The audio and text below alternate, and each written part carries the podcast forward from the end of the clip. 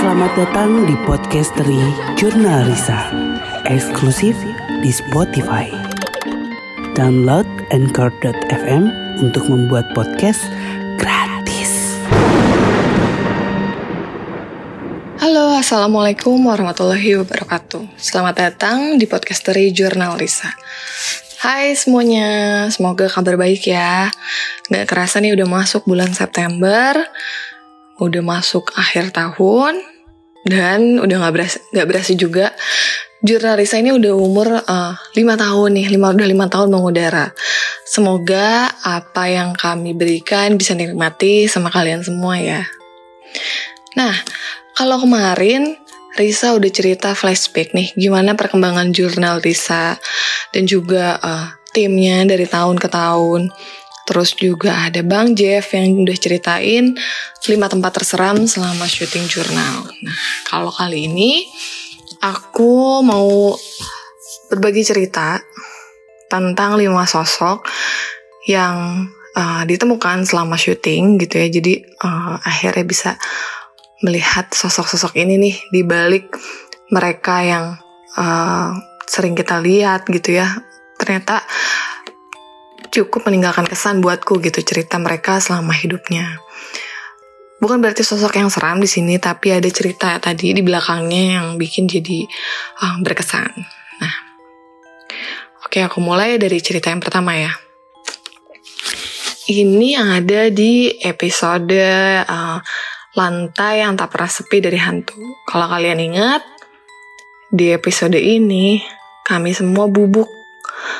Mau tim sompral, tim investigasi, sampai ke tim suhu pun kita bubuk semua malam itu.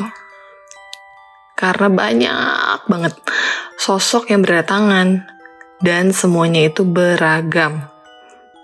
Mulai dari anak kecil, um, terus sosok yang perempuan, sampai ke sesepuh yang baru kita temukan malam itu.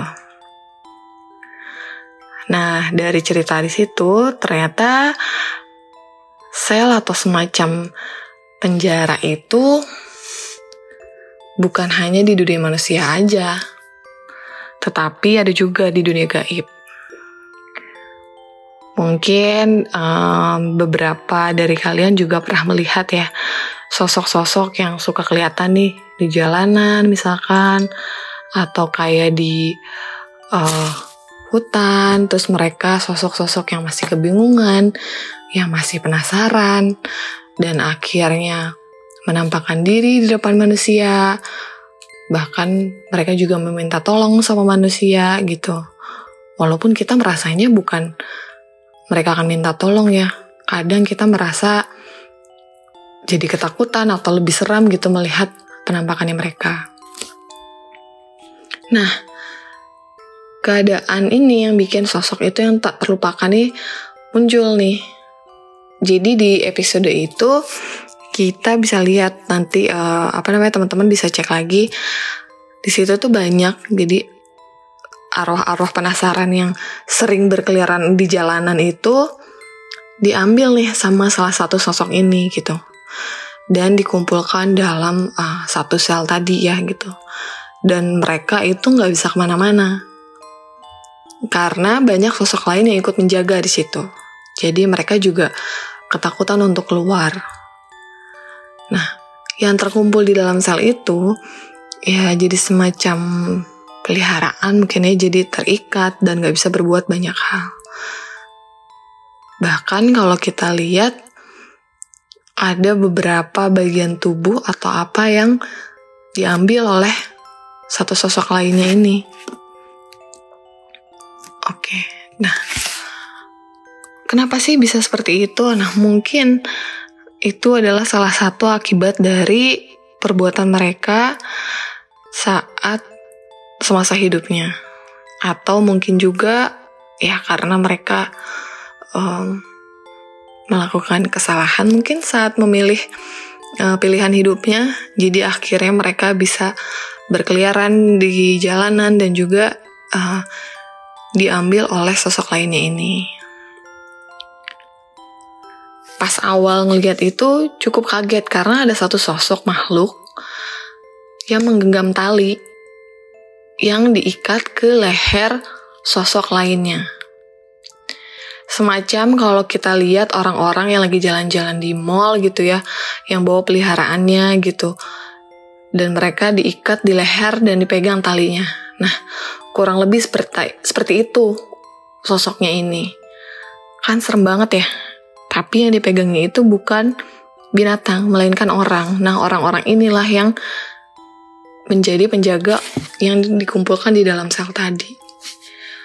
Kalau mau li tahu detailnya mungkin kalian bisa cek lagi di episode itu ya. Itu cukup mengagetkan sih buat aku karena itu sosok pertama yang uh, aku temukan gitu dengan keanehan seperti itu. Yang kedua, ini adalah episode saat uh, gangguan di bangunan bekas gudang besi. Jadi sering kali sosok-sosok itu menampakkan um, wujud yang menyedihkan, terus kadang uh, mereka muncul dengan suara tangisan gitu, karena mereka berharap untuk yang melihat mereka ini akan merasa iba gitu. Padahal sebenarnya bukan itu wujud aslinya mereka.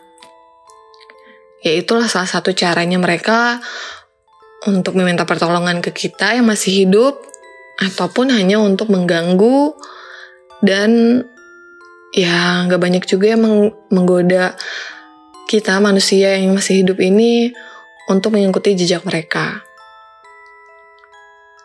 Tapi kita juga nggak mungkin dan nggak bisa kita menolong mereka kalau memang cara mereka meninggal juga berbeda atau bukan yang seharusnya.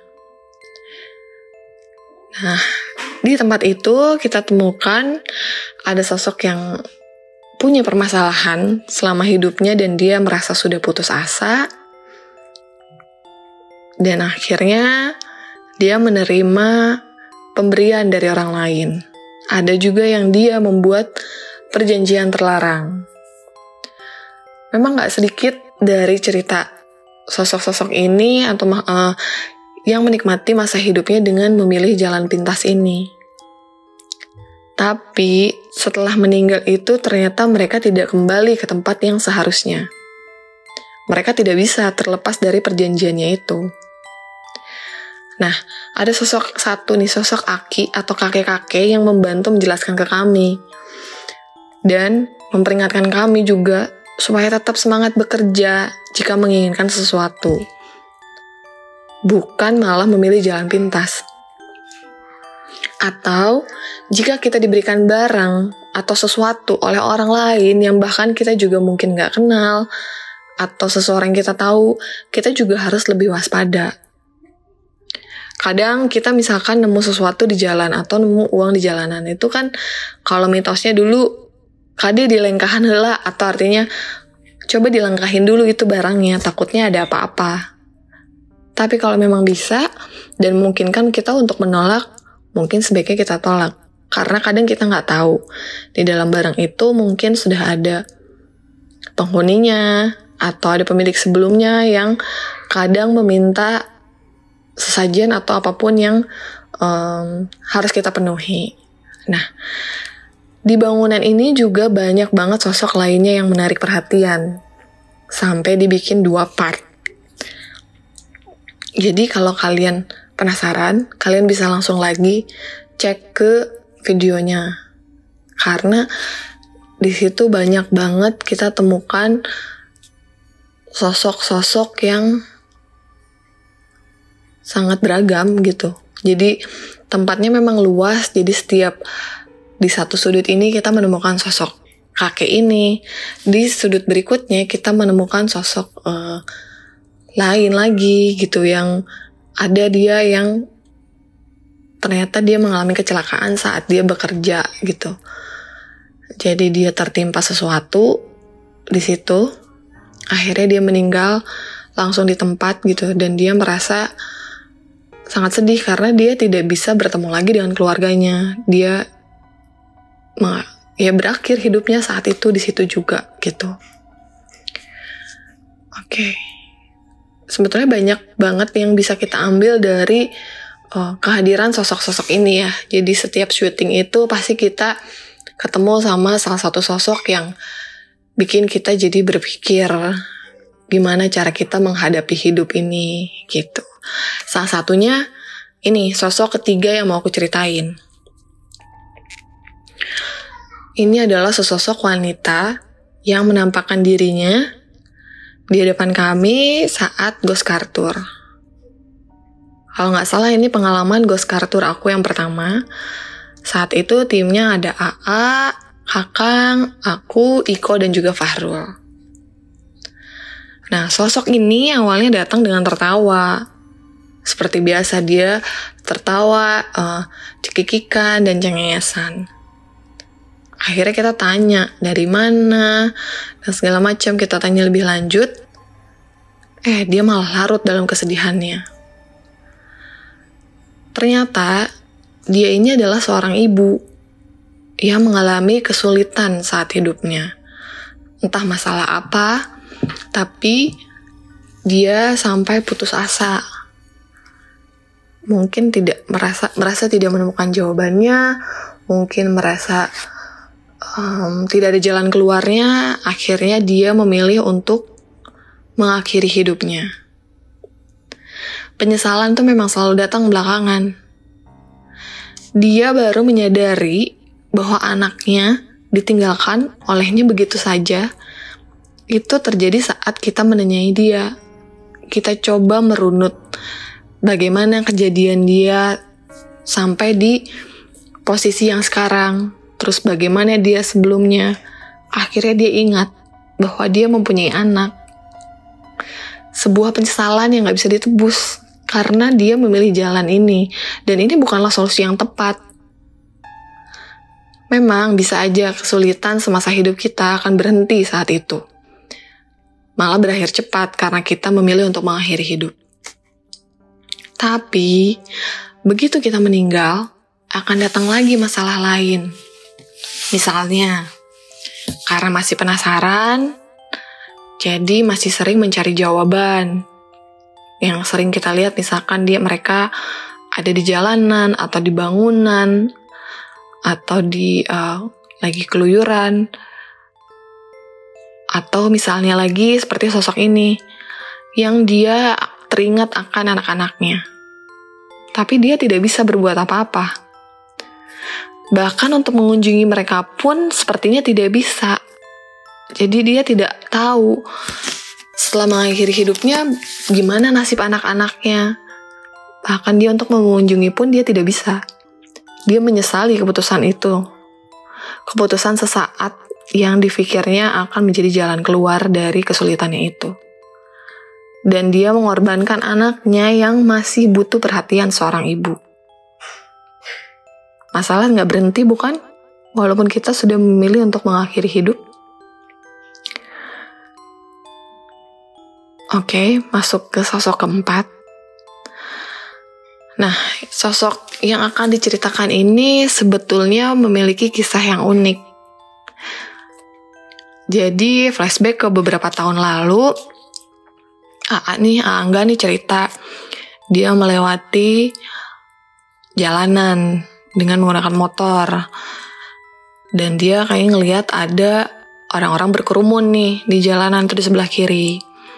Rupanya ada korban kecelakaan yang saat itu sudah ditutupi um, oleh koran karena masih baru dan di jalanan. Nah sambil berlalu, A membaca Al-Fatihah gitu saat melihat korban gitu. A nggak berhenti jadi langsung lanjut aja. Nah beberapa meter dari uh, tempat kejadian gitu banyak orang-orang yang uh, menunggu kendaraan di pinggir-pinggir jalan gitu kan. Mungkin dia sedang menunggu angkot atau sedang menunggu dijemput. Nah, A melihat ada sosok kakek gitu yang saat A ngelihat kakek ini juga ikut menatap balik ke A dan sempat mengikutin saat A maju motor itu dia sempat ngeliatin terus gitu jadi memandang terus sampai akhirnya hilang dan gak sadarkan. Eh sorry, akhirnya hilang dan gak terlihat sama A. lanjutlah nih beberapa tahun setelah beberapa tahun setelahnya gitu. Ini kalau tadi pengalaman pertama saya untuk ikut uh, Ghost Kartur, kalau ini adalah pengalaman pertama jurnal angkot kayaknya ya. Timnya itu barengan sama AA, Indi, Kakang, dan juga Bang Jeff. Kita saat itu oh, keliling ke daerah pasar gitu. Jadi teman-teman bisa lihat nanti uh, hantu pasar gitu ya yang bisa dilihat nanti di videonya. Nah, ada jadi ada beberapa sosok yang datang, terus ada juga uh, sosok yang memang suka um, menjaga di pasar gitu. Uh, mereka punya tugasnya sendiri untuk di pasar itu. Terus tibalah datang seorang kakek-kakek nih atau si abah ini datang nih. Dia datang terus dia kayak kebingungan gitu. Dia ingin kembali ke anaknya gitu. Dia ingin mengunjungi anaknya. Karena kita saat itu naik mobil jadi dia ikut nih. Uh, mau ikut mau datang ke rumah anaknya. Nah saat itu malam-malam gitu ya. Udah malam kan. Terus kita tanya-tanya lagi uh, kenapa kek? Gitu ceritanya gimana? Ya katanya saya ketabrak gitu di, di jalanan padahal saya lagi mau ke rumah anak saya. Ternyata uh, saya ketabrak gitu jadi dia korban tabrakan. Dan akhirnya nggak pernah sampailah ke rumah anaknya gitu karena dia meninggal di tempat. Setelah kakek itu keluar A langsung beristighfar di situ astagfirullah astagfirullah astagfirullah terus kita kayak hah kenapa A Duh katanya, aku baru inget, aku tuh pernah mengalami kejadian ini di beberapa tahun lalu yang tadi aku ceritakan saat AA naik motor. Kejadiannya seperti itu gitu. Uh, ada yang tabrakan di pinggir jalan dan AA sambil lewat. Gak lama si kakek itu masuk kembali sebelum uh, kakek itu datang lagi saat kita uh, diangkut itu terus kakek itu datang lagi dan dia bilang bahwa dialah sosok yang AA lihat beberapa tahun lalu itu. Sosok yang sempat AA bacakan doa saat melihat keadaannya dia di jalanan itu. Dan akhirnya memang saat kita jurnal ngangkot itu melewati daerah kejadian itu kakek ini sebenarnya berniat untuk mengunjungi anaknya gitu. Dan tapi akhirnya karena dia kena tabrakan atau kecelakaan di jalanan, dia nggak pernah sampai ke anaknya. Jadi saat itu dia bercerita dia ingin sekali mengunjungi anaknya. Dan kita coba untuk uh, membantunya untuk menenangkannya karena itu adalah sebuah kecelakaan. Jadi mungkin saja kalau dia mungkin masih bisa untuk uh, bertemu anaknya atau seperti apa. Tapi saat itu kita ceritakan kalau memang kakek itu mengalami kecelakaan. Jadi walaupun itu sudah kejadian beberapa tahun lalu, pas kita ceritain lagi ternyata mereka juga mengingat kejadian itu dan akhirnya datang lagi dan meyakinkan nya eta teh abah nu basa eta ningali teh. Hampuranya hampura abah. Hampura dan mau bisa ningali abah tengan anjen pangnepikan kabudak abahnya. Kurang lebih begitu yang disampaikan oleh abah. Karena dia masih mencoba untuk ikut kendaraan ke sana kemari untuk mendatangi anaknya namun masih tidak bisa setelah beberapa tahun kemudian dia masih di tempat yang sama saat dia mengembuskan nafas terakhirnya.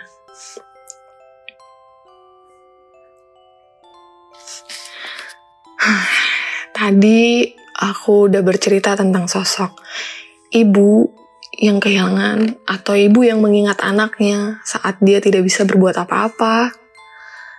Dan juga ada seorang kakek yang akan mengunjungi anaknya, tapi dia juga masih kebingungan walaupun itu sudah bertahun-tahun. Sosok terakhir yang aku mau ceritakan ini adalah seorang anak kecil yang tanpa dia tahu dia adalah korban dari tindakan atau keputusan orang tuanya. Jadi anak kecil ini uh, sudah meninggal dan dia semacam tertanam atau dia menunggu di uh, salah satu bangunan.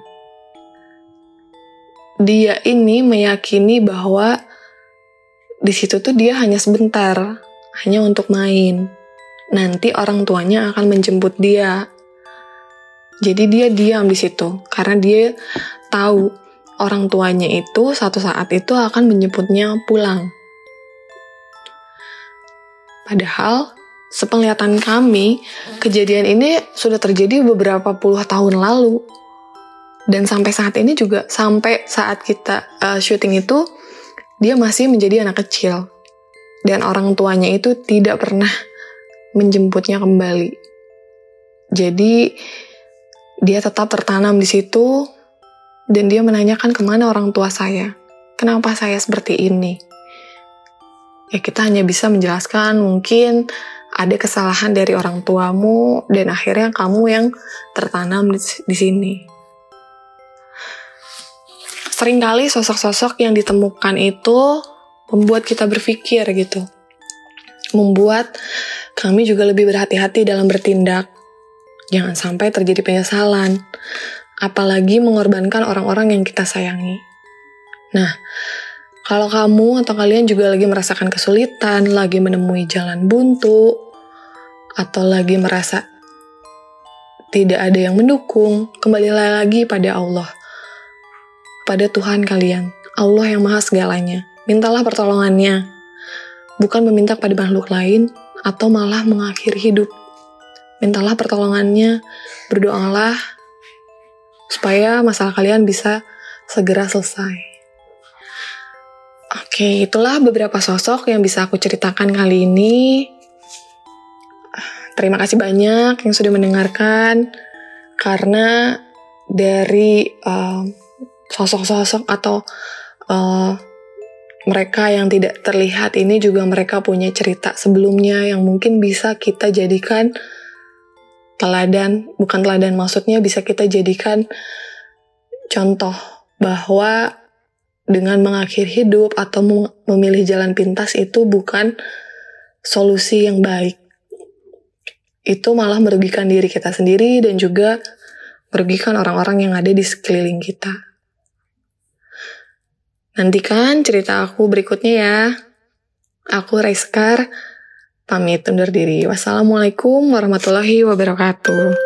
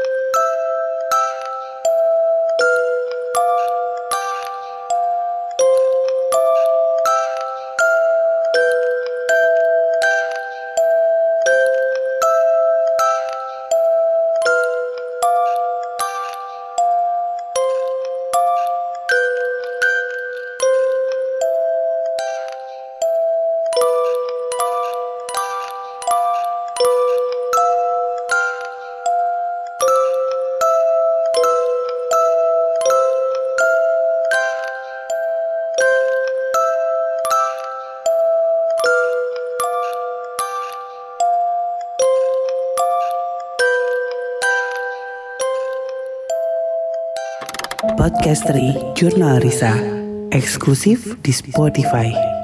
Download Anchor.fm untuk membuat podcast gratis.